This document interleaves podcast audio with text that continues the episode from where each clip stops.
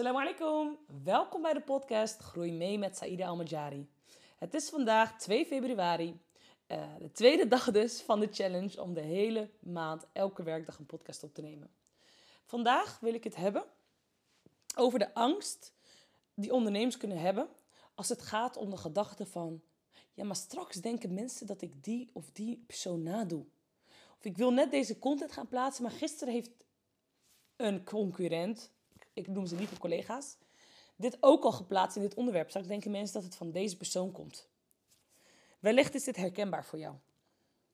En daarom is het voor jou extra belangrijk om deze podcast te gaan afluisteren. Kijk, er is niemand die opeens met hele nieuwe kennis of zo komt. Iedereen leert van een ander. Net als op school. Kom op, je hebt uit boeken geleerd, je hebt van docenten geleerd. En je leert het weer aan je kinderen. Zo gaat het de hele tijd door. Ik heb een coach, daar leer ik van. En daar zou ik dingen van doorgeven aan jullie. Ehm, en jullie zullen het misschien weer doorgeven aan anderen. En mijn coach heeft ook weer een coach van wie zij leert. En die coach heeft weer een coach van wie zij leert. Dus het is niet zo dat iemand uh, elke dag uh, per se met kennis komt die nog, die nog niemand kent. En op het moment dat jij bijvoorbeeld, stel je voor, ik ben jouw coach en jij leert heel veel van mij. En je hebt iets van, oh, mijn volgers of mijn klanten zouden hier zoveel aan hebben. Of, uh, en je geeft sowieso je eigen draai eraan. Want het, ja, hoe jij mijn kennis in je opneemt, hoeft niet te zijn zoals een ander het opneemt. Dus iedereen doet het op zijn manier.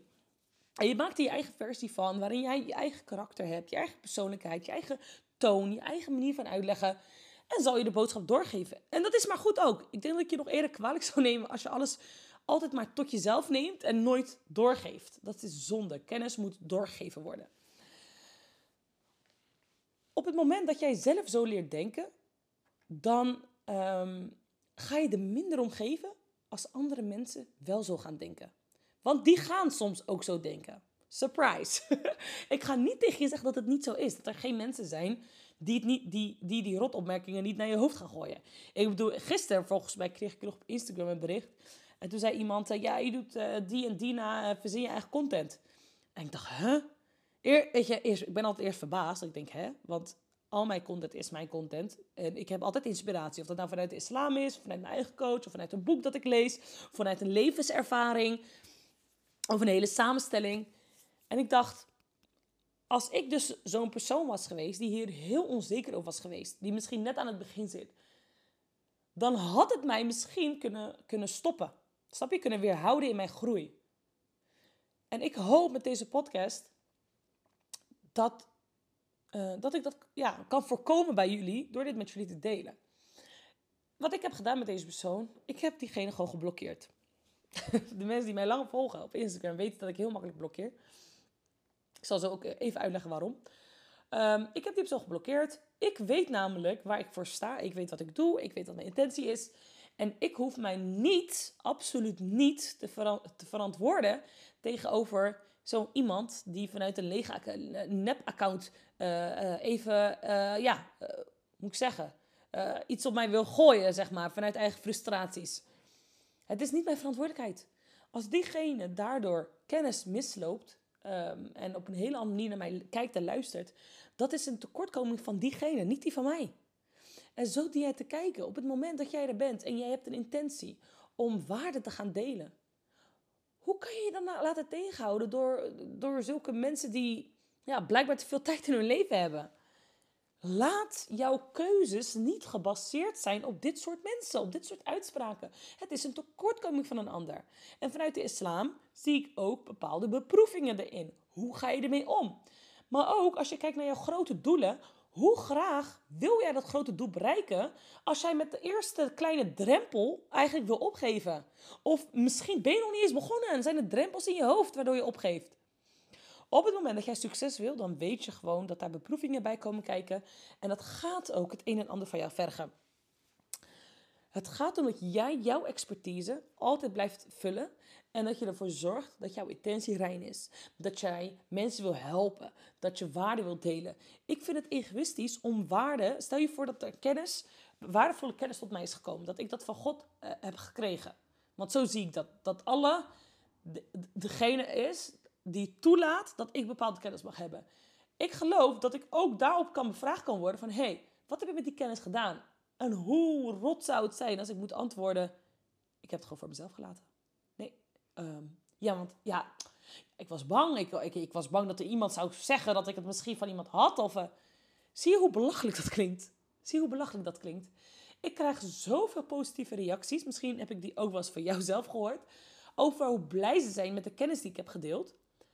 Hoe zonde zou het zijn als ik al die mensen die wel uh, het waarderen, eigenlijk negeer en dan een podium geef aan die ene persoon die niks te doen heeft.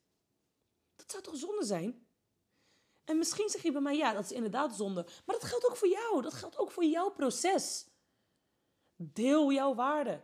Het kan ook zijn dat zelfs al zou je precies delen wat ik vandaag heb gezegd. Jij kan misschien net mensen bereiken die ik nooit zou bereiken. En dan ben ik heel blij dat de bepaalde kennis daar terecht is gekomen. Dus denk ook niet in die belemmering.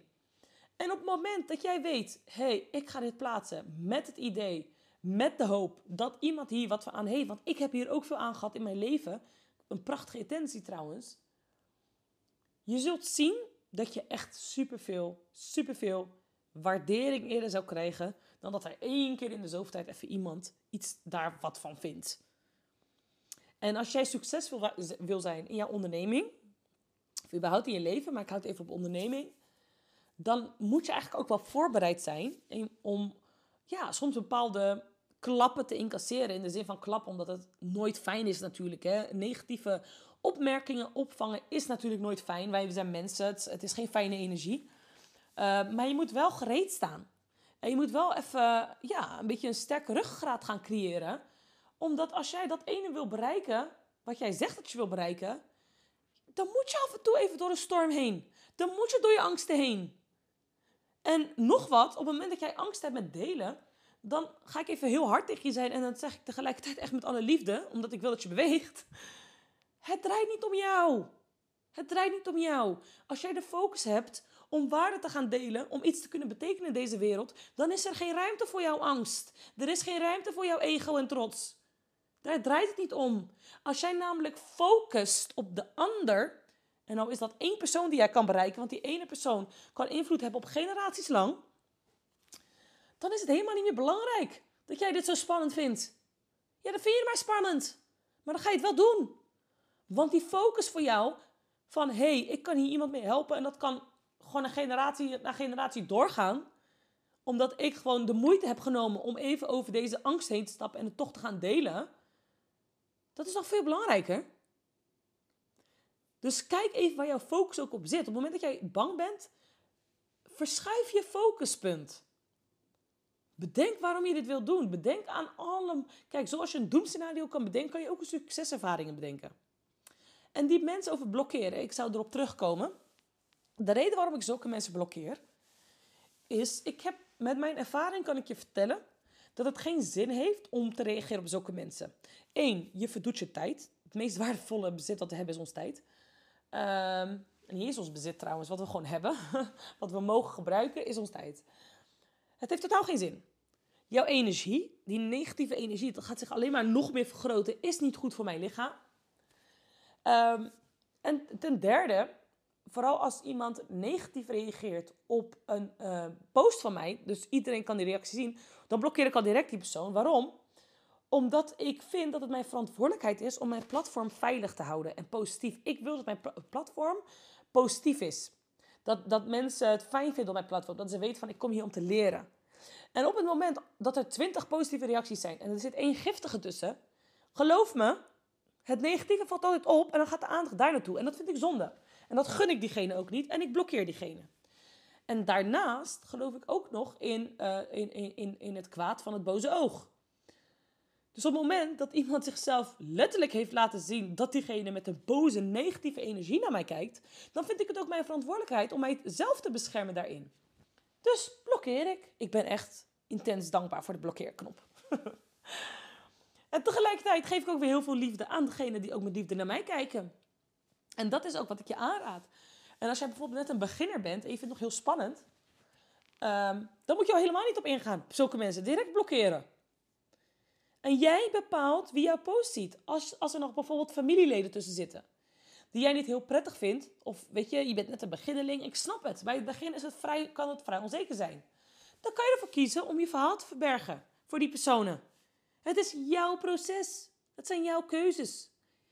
Ik wil liever dat jij jezelf het op die manier vergemakkelijkt. Maar dat je wel doorzet. Dan dat je het niet doet. Dat is enorm zonde. Dus elke keer als jij merkt dat je voor een drempel staat, stel jezelf dan de vraag: wat kan ik doen om toch vooruit te komen? En probeer out of the box te denken. Het hoeft niet op één manier. Het hoeft ook niet perfect. Je hoeft ook niet 100% te geven. 80% is goed genoeg. Als je maar beweegt. Nou, ik hoop dat deze podcast heel waardevol voor je is geweest. Ehm, laat alsjeblieft anders een reactie achter. Uh, geef een sterrenreview. Word ik heel blij van. En dan spreken we elkaar morgen weer. Salam alaikum.